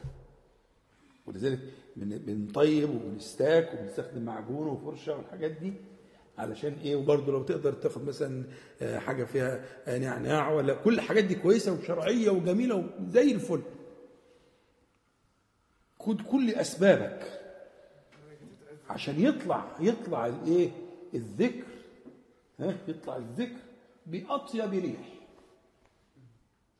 بأطيب ريح خرجه بأطيب ريح. فيخرج بأطيب ريح فالملك يتلقاه منك. لأن الملائكة كما يقول محمد تتأذى مما يتأذى منه بنو آدم. ويطيب لها ما يطيب لبني آدم. فلو عندك مثلا طيب حلو كده كويس ها تحط على مثلا لحيتك ولا شريبك ولا حاجة برضه لما الملك يقرب أنت عايزه. في مصلحة مشتركة بينك وبينه. أنتوا الاثنين مؤمنين. وأنتوا الاثنين تتعاونا على نصرة دين الله تعالى وعلى القيام بأمره وشرائعه سبحانه وتعالى. يبقى هنا بتلتفت يمينا ويسارا وبتسلم على الايه؟ آه ال ال ال ال ال الأصناف الثلاثة اللي قلناها. وخلي بالك آه انتشار لفظ السلام؟ انتشار لفظ السلام في كل أجزاء دبر الصلاة وهتلاقيه جاي لك برضه بعد الإيه؟ بعد السلام. وتقول اللهم أنت السلام بعد ما تستغفر. كان أول حاجة يقولها النبي عليه الصلاة والسلام. إذا سلم من صلاته استغفر ثلاثا ثم قال اللهم أنت السلام ومنك السلام تباركت يا ذا الجلال والإكرام. أربعة مش ثلاثة أربعة أربعة. ركز معايا. صلوا على حضرة النبي عليه الصلاة والسلام. هنختم بدي بس دي عايزة بقى حضور شوية خلاص؟ انتبهوا معايا. اولا ما معنى اسم الله تعالى السلام؟ مش إحنا لسه من شوية؟ لا تقولوا السلام على الله فإن الله هو السلام ولكن قولوا التحيات. حلو قوي ما معنى السلام في اسم الله تعالى؟ السلام. وده منصوص عليه في آخر سورة الحشر السلام المؤمن المهم إلى آخره. وزي ما أنت بتقول اهون والحديث اللي في ال- في الصحيح لا تقولوا السلام على الله فإن الله هو السلام. خلاص فهمنا. طيب إيه بقى معنى السلام في اسم الله تعالى؟ السلام في اسم الله تعالى هو اسم وصفة للذات وللفعل وحاجة ثالثة خاصة بالاسم ده في أسماء الله تعالى كلها. إحنا قلنا الأسماء يا إما تكون أسماء ذات يا إما تكون أسماء فعل يا إما تكون الاثنين على بعض. يعني هو الحي الحي ده اسم بيصف الذات مش صفة فعل. خلاص؟ العفو فعل مش صفة ذات فعل يعفو ويغفر. حلو قوي لكن اللطيف الاثنين. ذات وفعل فلطيف في ذاته آه اللي هو في الأنعام. في سورة الأنعام. لا تدركه الأبصار. وهو يدرك الأبصار. وهو ها اللطيف الخبير. آه. آه ده, ده معنى لطف الذات. يدرك ولا يدرك. ده لطف الذات. طب ما هو اللطف الفعل فين يا أستاذي؟ لطف الفعل فين؟ الله لطيف بعباده. يرزق من يشاء. الشورى ها؟ يرزق من يشاء. بلطف. قابلته في السكة وخدك مش عارف إيه وكان شايف مش عارف إيه. هو كان أصل القصة كانت مترتبة كده أنت مش عارف حاجة أصلا. وأجمل أجمل قصة في لطف الفعل هي سورة يوسف. أجمل قصة أجمل قصة في التاريخ البشري في بيان اللطف الإلهي. هم؟ هي قصة يوسف. شوف بقى القصة من الأول ويكيد وغيبة الجب ومش عارف يعمل إيه وبعدين إيه فشروا دراهم معدودة ومش وبعدين يروح القصر. في, في, في بلد ما يعلم بها إلا ربنا اسمها مصر. عشان مثلا يقول له إيه؟ يوسف أعرض عن هذا واستغفري لذنبك. إيه؟ الجنتلمان ده؟ مصري. إيه الجنتلمان ده؟ إنك كنت من الخاطئين. ما دول كلهم اللي غيروا مع فرعون. دول كلهم راحوا في, في, الجيل ده كله ما بقاش غير الناس اللي المهم.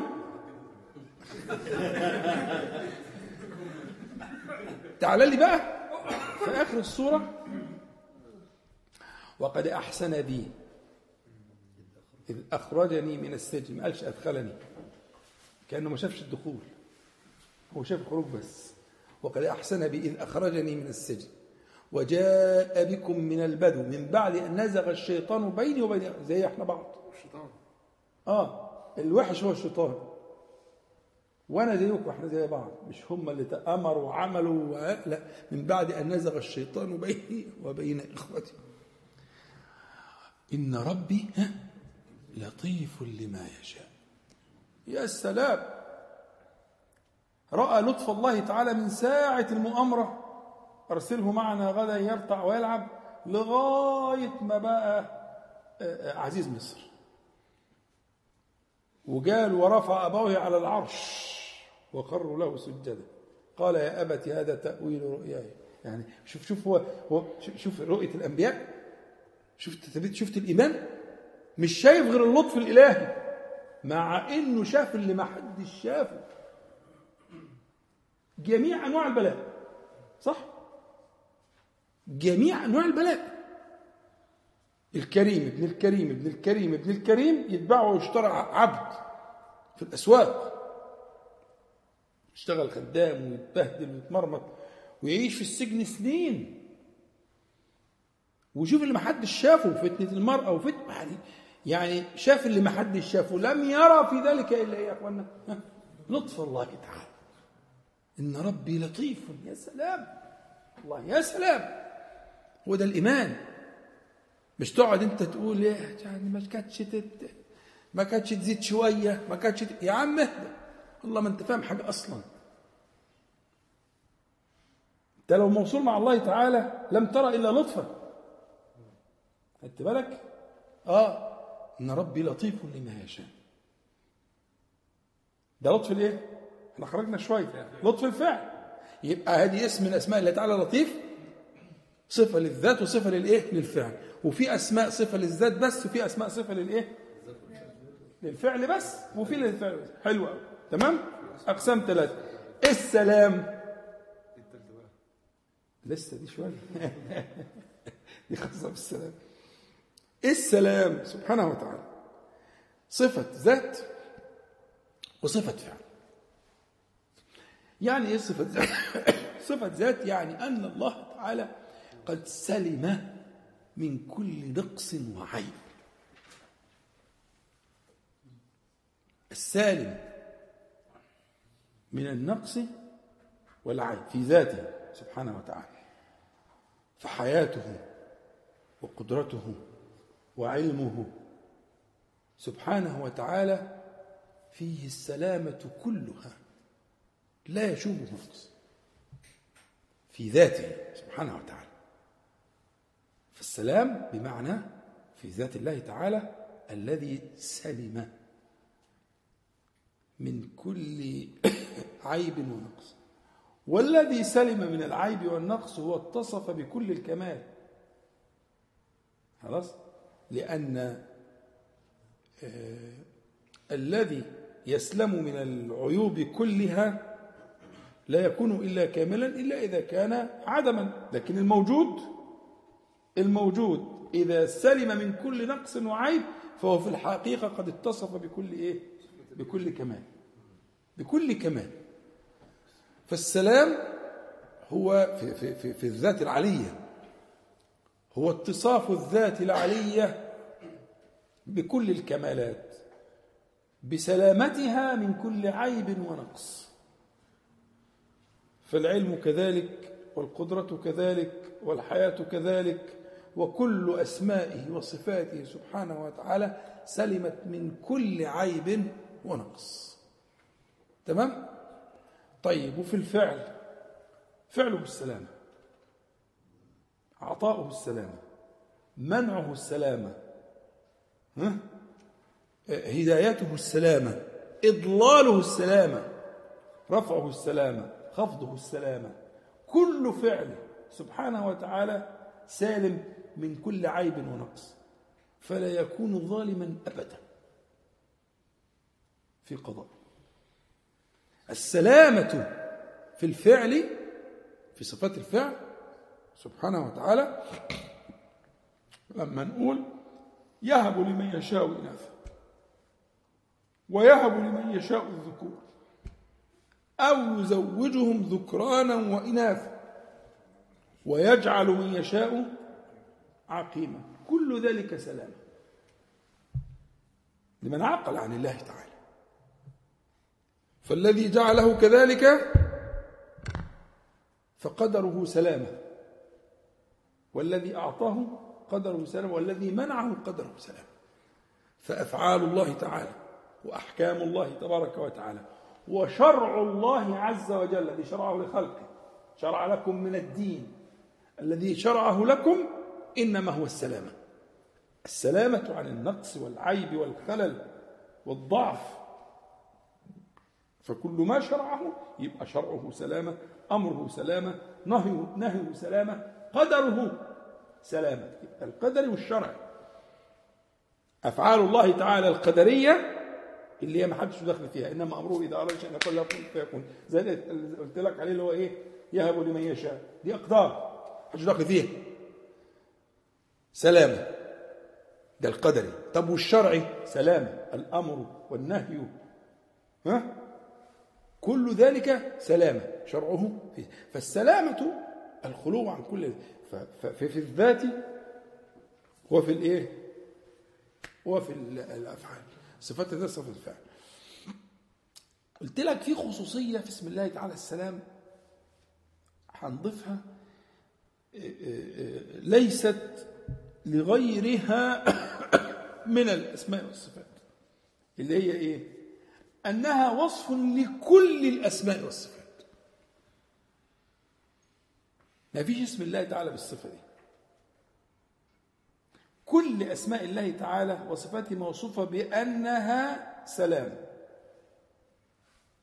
فكل أسماء الله تعالى وصفاته خلت عن النقائص وسلمت من العيوب. خلاص؟ فهو المهيمن سلام. وهو القادر سلام. وهو العفو سلام.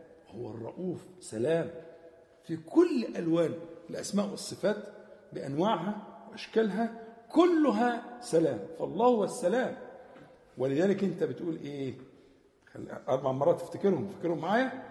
السلام عليك السلام علينا السلام على عباد الله السلام عليكم. وبعدين بعد ما خلصت قلت السلام عليكم بتقول اللهم أنت السلام أنت السلام بالمعنى اللي أنا قلته. خلاص؟ وده آفاق لا نهاية لها لأنها تدور مع أسماء الله تعالى وصفاته كلها كلها كل أسماء الله تعالى وصفاته. سلامة. ما تستعجلوش عشان في يعني لسه في بيان أكتر. بس أنا اتفقت معاكم تركزوا. محدش تتوه مني عشان الحتة دي دقيقة. عايز تقول إيه يا موسى؟ يمكن حبان بعد كده بس إلقاء السلام في الأربع مواضع. حضرتك شرحت معنى اسم ربنا سبحانه وتعالى. آه، إنما فكرة إلقاء السلام بقى معناها إيه؟ حاضر. جاي. خلاص. حاضر. جاي إن شاء الله. طيب. فأنت بتقول اللهم أنت السلام. وبعد بتقول ومنك السلام. يبقى هنا سلام الفعل بقى. ومنك سلام الفعل لخلقك وعبيدك وأنا منهم. فسلمني? تمام؟ ومنك السلام. أنت السلام. هذا تملق وثناء. والله تبارك وتعالى يحب التملق. الله تبارك وتعالى يحب التملق. كما أخبر عنه أعرف الخلق به. عليه الصلاة والسلام. إن ربكم يحب الثناء. هو كده. يحب الثناء. فأنت تثني عليه بما هو أهله مش بما ليس أهله. لا. أنت بتقول الحقيقة. بتقول الحق. الحق الذي ليس فيه باطل. ولا يتطرق إليه الباطل. أنت السلام.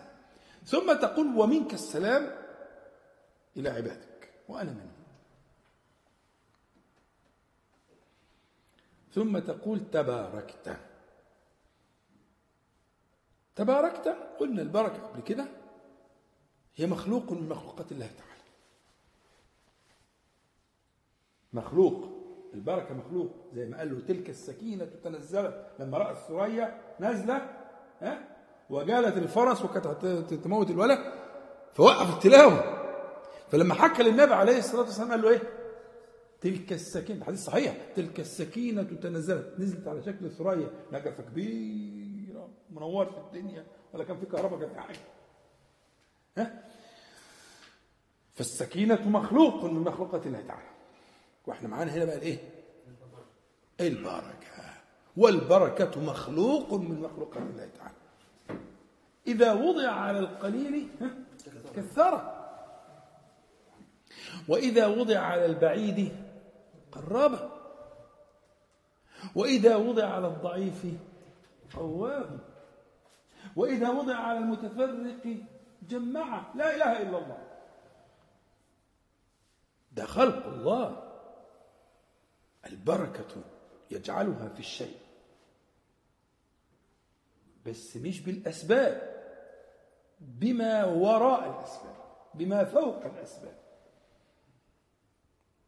ولذلك ال- العبد الصالح يقول إيه؟ وجعلني ها؟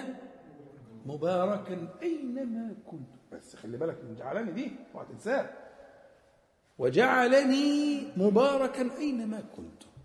من حين ما حل تحصل البركة. بركة في إيه؟ تحصل البركه في الوقت في العمر في الفهم في الإيمان في النور في دفع الشياطين في في في, في القرب من الله تعالى في الذكرى في الوعد.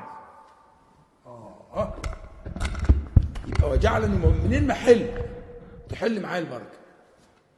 بس ده علني خدت بالك؟ فانت بتقول إيه؟ تباركت. أسماؤك يا ربي أسماء مباركة.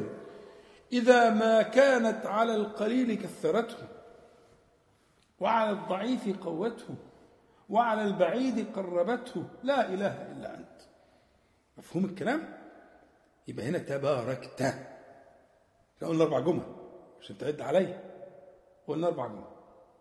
اللهم أنت السلام. ومنك السلام. تباركت. بقينا الجملة الرابعة. اللي هي إيه بقى محمد؟ يا ذا الجلال والإكرام. يا ده حرف إيه؟ حرف نداء أنتوا ان شاء الله شاطرين.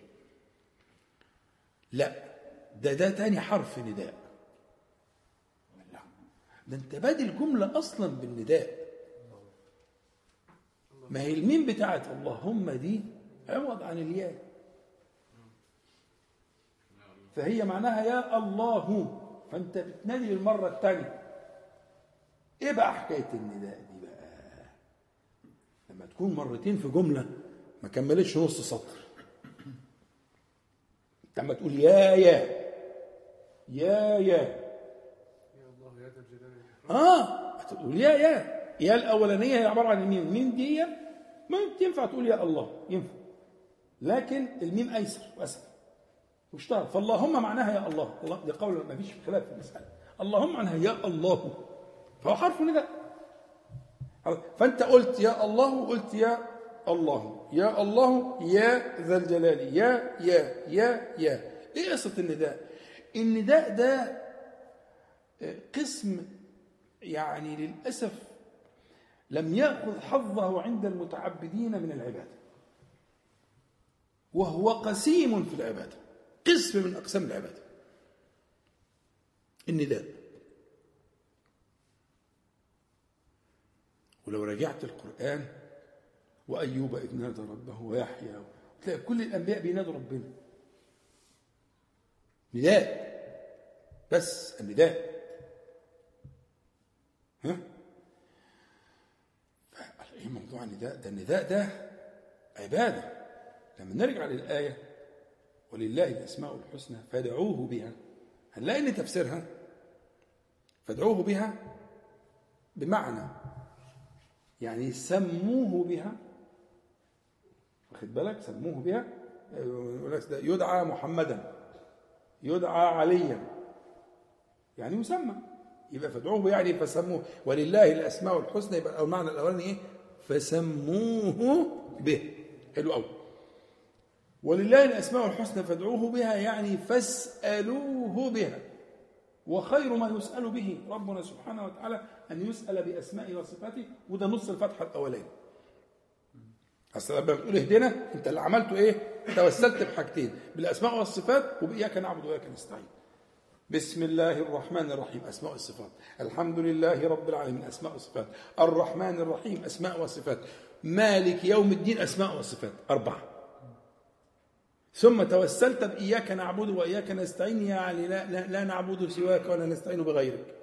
توسلت بالعمل الصالح، فتوسلت بالاسماء والصفات في أربع ايات وتوسلت بالعمل الصالح في آية وبعد قلت اهدنا واللي بعد اهدنا كل وصف للهداية وتفاصيل فيه. الفتحة عبارة عن كلمة اهدنا فأنت التوسل بأسماء الله تعالى وصفاته هو أعلى رتب التوسل على الإطلاق. والذي يسأل الله تعالى بغير أن يتوسل إليه بأسماء وصفاته محروم محروم محروم. فادعوه بها يعني فاسألوه بها. اسألوه بأسماء وصفاته. وعندك الفتح. أنا قلت لك كم معنى؟ ثلاثة. أنا قلت منهم اثنين ذكرت اثنين لكن قلت لك هما كم معنى؟ ثلاثة. يبقى فادعوه بها يعني؟ سموه. قلت لك يدعى محمدا يدعى عليا يسمى يعني ها؟ وبعدين قلت لك فادعوه به يعني فس فاسألوه بها. قلنا القصة بتاعت الإيه؟ الفاتحة. تمام؟ وبعدين فادعوه يعني نادوه. المناجاة. يا حي يا قيوم. مناجاة. وتلاقي الأولياء والأنبياء والأصفياء والكبار كلهم نادوا ربهم. وأثبت الله تعالى ذلك في القرآن الكريم عشان يبقى منهاج. فالله تعالى ينادى بأسمائه وصفاته طبعا. تقول يا علي يا عظيم يا حي يا قيوم يا ذا الجلال والإكرام. خلاص؟ اللي معانا بقى هي ذا الجلال والإكرام؟ إيه الجلال وإيه الإكرام؟ عشان نفهم نلم بقى الإيه؟ الذكر كله على بعض. تمام؟ ذا هنا بمعنى صاحب. ذا بمعنى صاحب اللي هي من الايه من الأسماء الخمسة أو الستة. تمام؟ يعني يا صاحبة الجلال والإيه؟ والإكرام. شوف بقى أسماء الله تعالى وصفاته إما أن تكون من الجلال أو من الإكرام ولا ثالث. ولا ثالث. الذكر طلع خطير جدا جدا فوق ما تتصور. لأنه أنت بتختمه بالحصر بطريقة أخرى يبقى أنت حصرت الأول السلام وهو حصر لجميع الأسماء والصفات لأن كل جميع الأسماء والصفات موصوفه بأنها سلام. أنت السلام في كل ما اتصفت به وما تسميت به. سلمت ذاتا وفعلا. وقدرا وشرعا. سلمت. أنت السلام. يبقى أنت هنا. السلام دي مرت على جميع الأسماء والصفات. التي تعلمها والتي لا تعلمها. التي تعرفها والتي لا تعرفها. فأنت بتذهب إلى كل أسماء الله تعالى وصفاته بقولك أنت السلام. فيما علمت وما لم تعلم. وبعدين تقول يا ذا الجلال والإكرام هذا حصر بطريق آخر لأسماء والصفات لتاني مرة ولذلك خدت أداة نداء ثانية يبقى في أداة نداء أولى بالحصر بالسلام وفي أداة نداء ثانية للحصر بإيه؟ الجلال والإكرام ليه؟ ما هي الأسماء والصفات يا حبيبي لا تخرج عن كونها إما من الجلال وإما من الإكرام إيه الجلال؟ الجلال الجبروت والقهر والانتقام. ها؟ اللهم انتقم من الظالمين. اللهم عليك بهم يا رب العالمين. ها؟ هو ده الجلال وصفات الجلال كثيرة. هو القاهر فوق عباده. انت بالك؟ وبعدين وإيه الإكرام؟ العفو الرؤوف الودود. الله ما أجمله. فالجلال والإكرام هو حصر مرة أخرى بنداء جديد لكل الأسماء والصفات. أنت في الذكر ده ناديت الله تعالى مرتين بكل أسمائه وصفاته. صلوا على النبي. أنت في الذكر ده اوعى تحرم نفسك وتبقى مستعجل وتبص في الزفت المحروق التليفون و... يا عم اهدى. اهدى أنت ناديت الله تعالى بكل اسمائه وصفاته. مرتين. مرة بقولك يا سلام. اللهم أنت السلام. يا سلام. أنت السلام في كل أسمائك وصفاتك. سواء الأسماء والصفات للذات أو للفعل. كل سلام. ومنك على عبادك السلام. السلامة منك. فالذي يسلم من شيطانه منك والذي يسلم من شهوته منك ومن عدوه منك منك وحدك لا شريك لك فالسلامة منك. خلاص؟ وبعدين بترجع تاني بتقول إيه؟ نداء تاني وحصر تاني. للأسماء والصفات فقد جمعتها مرتين ولا يكون ذلك إلا في كلام المعصوم صلى الله عليه وسلم أبدا. حشفوا الكلام ده؟ علمه ربه حشفوا الكلام ده؟ حدش يعرف الكلام ده خالص. يجيبه منين؟ ما يجيش غير بالوحي. علمه ربه. خدت بالك؟ اللهم اوعى بقى تنسى. انت في النداء دلوقتي؟ انت السلام ومنك السلام. تباركت دول ثلاثة كل واحدة لوحدها. وبعد تقول يا ذا الجلال والإكرام. انت طلبت حاجة؟ لا والله طلبت كتير. على فكرة انت طلبت كل حاجة. انت طلبت كل حاجة. ليه؟ إيه الحاجة اللي تخرج عن أسماء الله تعالى وصفاته؟ انت طلبت كل حاجة. بس من الطريق الواسع من الباب الملكي من باب من باب النبي عليه الصلاة والسلام. عشان لما تيجي تقول السلام عليك استحضر ده بقى. هو اللي علمك الكلام ده. آه عليه الصلاة والسلام. استحضر الكلام ده. ها؟ سيصله منك فلان ابن فلانة وفلان. هيوصلوا عليه الصلاة والسلام. في ملائكة متخصصة بالبلاغ. السلام غير الصلاة. دي حاجة تانية. صلي بينك بالله. ربنا وربنا هيكافئك عليها. من صلى عليه صلاه صلى الله عليه بها عشر. حسابه هناك. لكن السلام حاجة تانية. السلام غير الصلاة يا اخوانا افهموا دي السلام غير الصلاة. السلام ده بين المخلوقين وبعضهم? عشان كده قال له ما تقولش السلام على الله. فإن الله هو السلام. السلام ده بين المخلوقين فأنت لما تقول السلام عليك أيها النبي ده لحضرة النبي عليه الصلاة والسلام. لا لا هو هو هو عليه الصلاة والسلام. من الكلام؟ فيبقى آه، آه، آه، إيه اللي انت اللي انت ما سألتوش؟ اللي انت ما سألتوش اللي يخرج عن الاسماء والصفات. طب إيه اللي يخرج عن الاسماء والصفات؟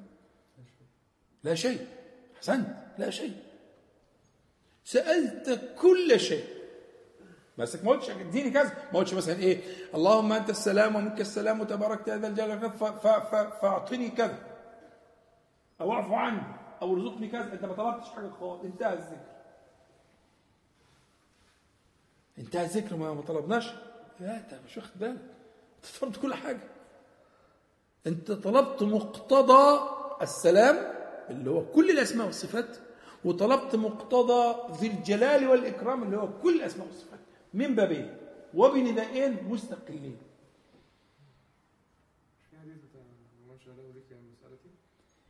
نعم. حديث حسن. حديث حسن. وله برضه فقه. حافظ ابن حجر حسنه من شغله ذكري عن مسألتي أي أعطيته أفضل ما أعطي السائلين. بس ما بقاش قاصد. بس دي رتبة عالية قوي يا محمد. ما يبقاش قاصد. لا. ما يقصدش يسيب ال يعني واحد مثلا في ساعة الإجابة يوم الجمعة. ومرتب هدعو مثلا الساعة كذا وبتاع. فحلى في فمه الذكر. والله أنا في واحد من كان الشباب اللي ماشيين معايا أقسم لي بالله كان كان عنده ظروف معينة كده فكنت مديله ورد في الصلاة على النبي صلى الله عليه وسلم كبير شوية. أقسم لي بالله والله ودموعه كانت بتنزل إنه هو يجد حلاوة حلاوة حلاوة يعني. في فمه لما واظب على الورد ده بعد الصلاة على النبي صلى الله عليه وسلم. حلاوة حلاوة يعني يعني في حاجة مسكرة. أي أيوة والله. وهو حي نزق حتى الآن يعني. ف ما يبقاش متعمد يعني. ها؟ فيستغرقه الذكر. يا نهار أبيض ده المغرب قد. يا نهار أبيض ده الفجر قد. واخد بالك؟ آه هو ده المقصود في الحديث. لأن معناها الشغل إن هو شغله. ما رتب لهاش ده هو شغل. شغل بإيه بقى؟ ها؟ بالذكر. استغرقه الذكر. حتى شغل. هو كان مرتب قايمة مسائل وعايز والعيال والبتاع والمرتب اللي ما بيكفيش والقصص دي كلها لكنه غلب. غلب. لا. وقت دعاء يقعد يذكر لا لا لا لا لا لا, لا مش ده المقصود. مش ده المقصود. المقصود إنه يشغل. حديث نص صريح يعني من شغله شغله فهو مشغول. والمشغول لا يشغل إلا بالإزاحة. فالمشغول لا يشغل. خد بالك من الفكرة؟ فمشغول. الحيز مشغول. أنت أنت مشغول بالعكس أصلا. أنت داخل مسألة بس بتبقى مستحي يعني فبت- بتقول إيه؟ الواحد مشغول بالعكس. يعني داخل فعلا. بس هو مستحي فيعني بيقول بيذكر. لا يحط المسألة. لا لا ده معنى معنى جميل برضه. معنى جميل. معنى جميل. لكن الحديث المقصود به أعطيته أفضل ما أعطي السائلين هو المقصود اللي إحنا بنقوله ده. ممكن تيجي برضه على مثلا مجالس الذكر يعني واحد مثلا بيدرس في الوقت اللي هو بتاع ال- إجابة الدعاء. إجابة الدعاء فهو برضه يعني شغل ب- بتعليم الناس ال- لا. لا. لا يدخل بذلك قراءه القران الشغل يعني الغلبة يعني شيء مش مخطط له. مش مخطط إن أنا الدرس الدرس في الوقت ده عشان أعمل كذا. لا. ده أنا كنت ناوي أدعو. ومجهز نفسي وكل حاجة في الترتيب إن أنا هدعو. لكن شغلته خلي بالك معنى الشغل ده. استغرق. استغرق. بس للأسف إحنا بنتكلم في حاجات يعني نحكيها. نحكيها يعني. لكن هي لعل إن شاء الله يعني منكم من يكون متقيا خفيا يعني. لكن هي الفكرة إنه بنحكي كلام القوم يعني. هكذا يقولون يعني. لكن لكن يعني أنا أنا وظيفتي ان أنا أحكي بس مش أكتر من كده يعني. إنما هكذا يقولون إن استغرق. استغرق فما عادش فجاه فجأة لقى الجرس ده. فجأة لقى الأذان بيأذن فجأة. ده بيحصل في الفيسبوك اللي حضرتك اي لا بس. هو ده الحديث اللي قلناه اللي هو حديث ابن عباس رضي الله عنهما اللي عند النسائي وأبي داود والترمذي. من بدا جفا ومن اتبع الصيد غفل ومن أتى أبواب السلطان افتتن. فاكرين الحديث ده؟ اوعوا تنسوه هنرجع له إن شاء الله. مهم جدا. بس إحنا خرجنا من من من ال- ال- اللي هي ومن اتبع الصيد غفل دي خرجنا فيها في القصة بتاعت الايه؟ ال- آه، التواصل الاجتماعي وسراق النعم? لكن الحديث كله على بعضه مهم جدا. حديث مهم جدا حديث صحيح. قال الترمذي وحسن صحيح. غريب. من بدا جفا ومن اتبع الصيد غفل ومن أتى أبواب السلطان افتتن. نسأل الله العافية. طيب هو إحنا أول الذكر كان إيه؟ استغفر ثلاثة. ثم قال اللي هي قبل ما تحط الطيب. التخليه قبل التخلية قبل التحليل.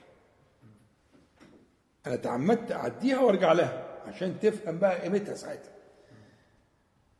عشان تبلغ المعاني الدقيقة دي عيش معنى الاستغفار. ثلاثة مش مرة. والثلاثة معناهم التكرار والتكرار معناه التذكير ومعناه التوكيد ومعناه صح صح اصح ما جابتش معك الأولى تجيب الثانية تجيب الثالثة ها؟ أستغفر الله. وقلنا المغفرة حاجتين ستر ووقاية. وفي نبات كان بيسموه الغفرة والبتاع كان بيتحط على الدواء على الجروح يداووه كده جروح الجرح والبتاع? ففيها معنى المداواة.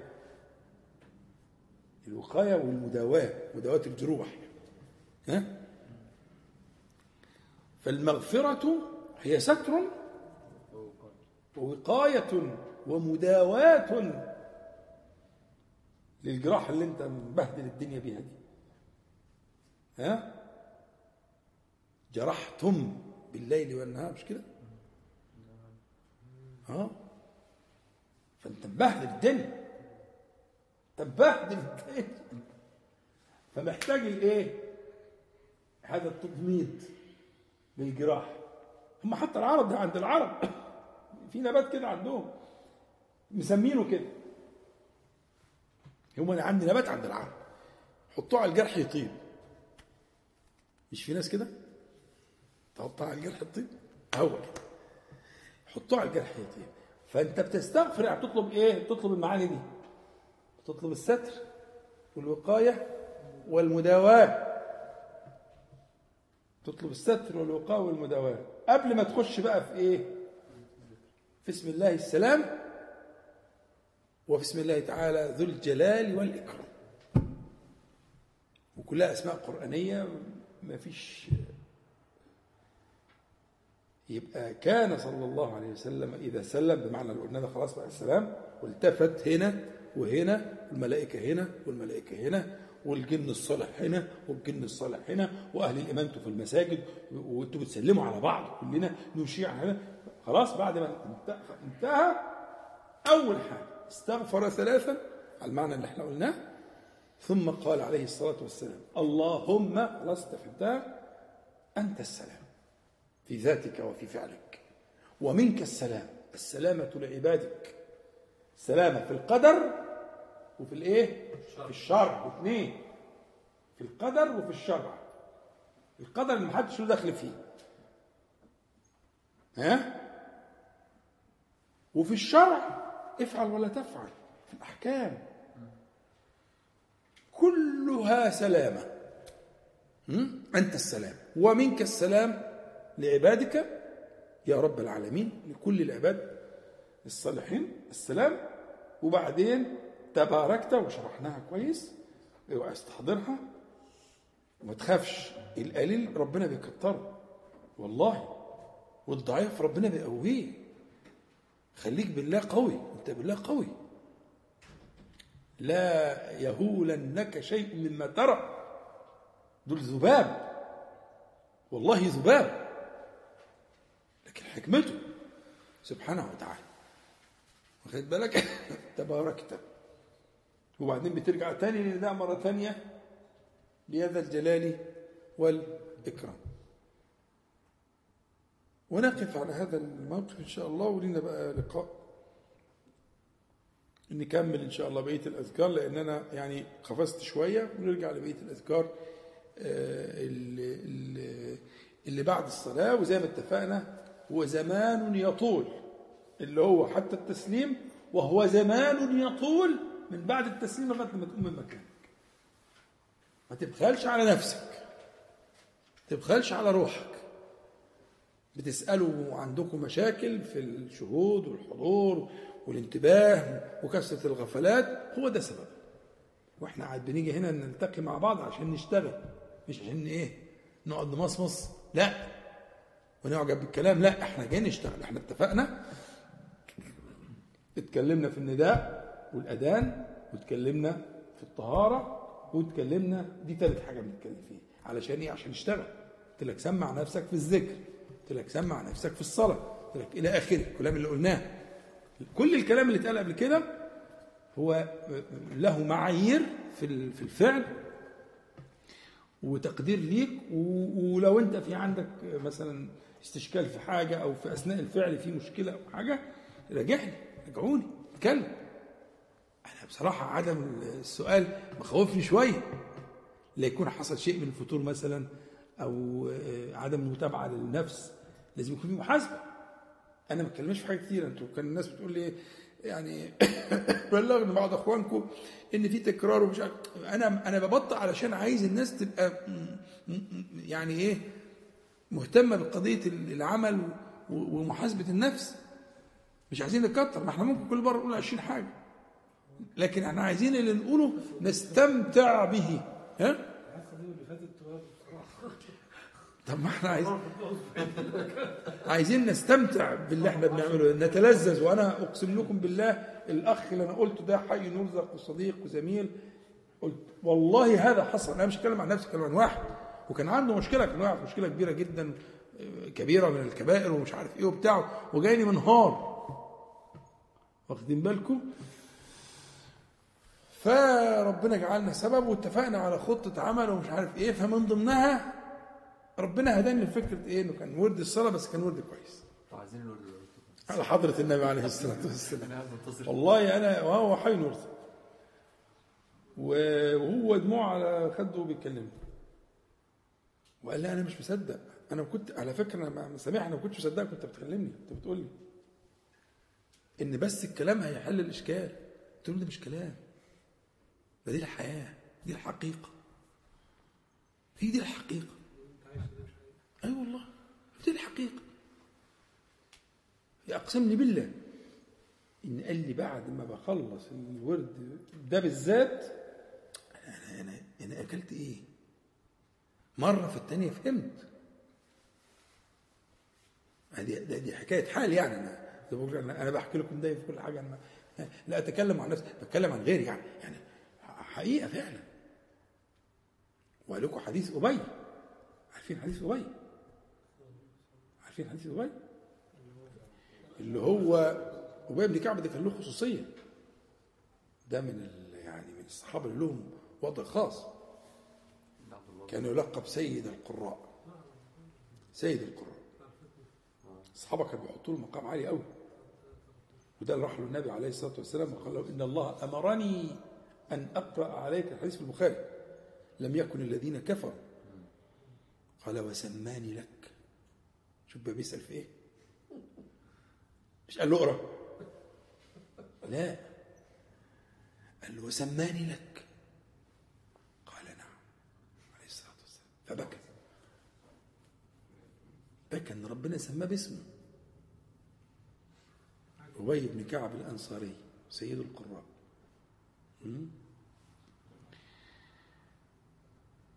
فهو كان له ساعة من الزمان آه، بيقسمها. غالبا كانت ساعة في جوف الليل الآخر. كان بيقسمها وظائف يعني.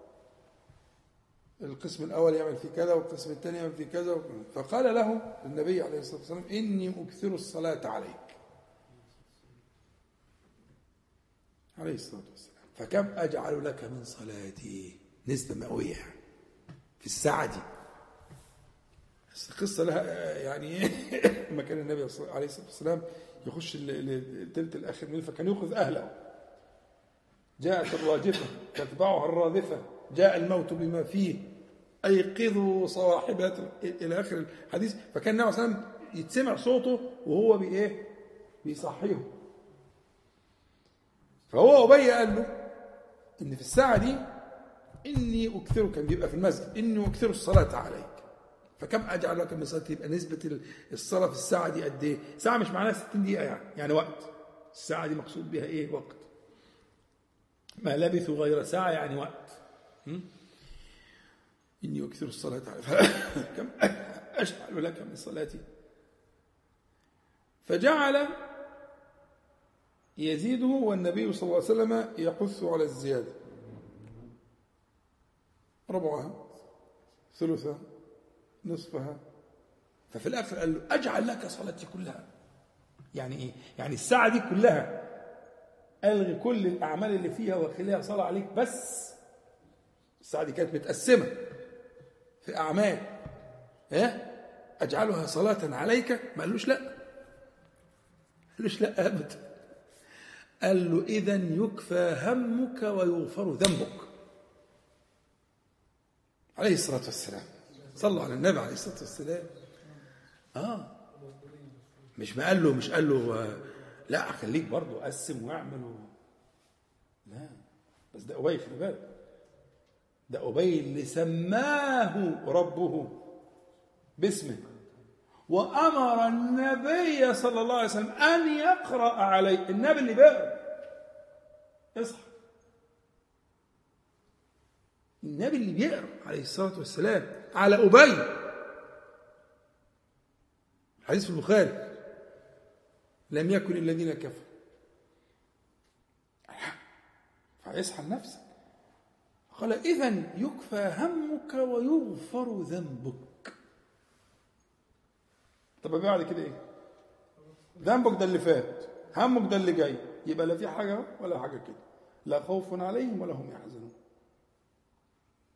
الخوف في اللي جاي والحزن على اللي فات مش هم بتوع الجنة كده؟ هو الجنة إيه صفة غير كده؟ لا خوف عليهم ده في اللي جاي الخوف في اللي جاي. ولا هم يحزنون في اللي فات. الحزن على اللي فات. يا في اللي فات في حاجة ولا اللي جاي في حاجة. هو قال له الكلمتين دول بس ب- بعبارة جميلة جدا. تكفى همك ويغفر ذنبك. لا اللي جاي حامل همه ولا اللي فات حام- حامل همه.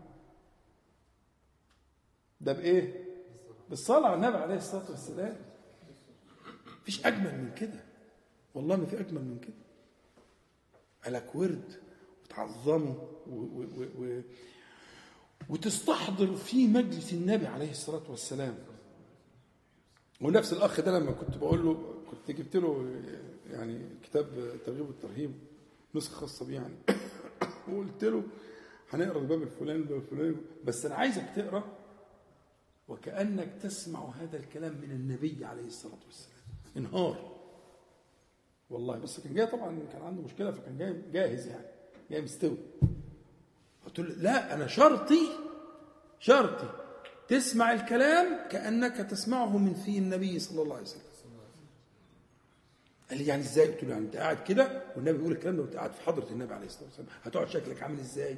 هيئتك إزاي؟ بتعمل إيه؟ بتفكر في إيه؟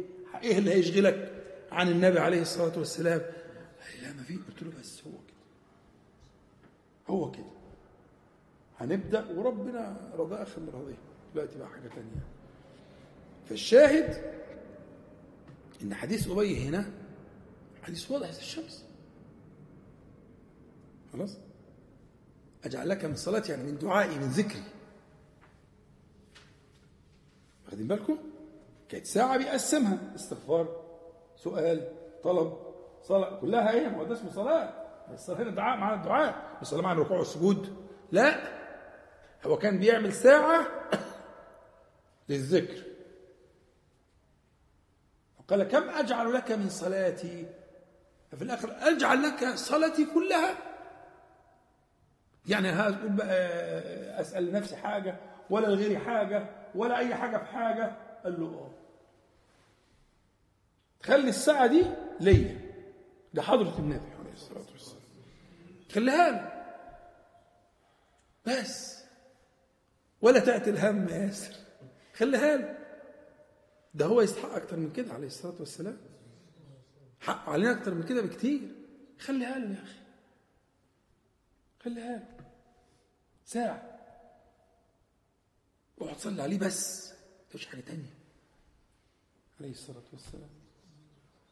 ولما تيجي في الصلاة تقول السلام عليك هتحس بحلاوتها.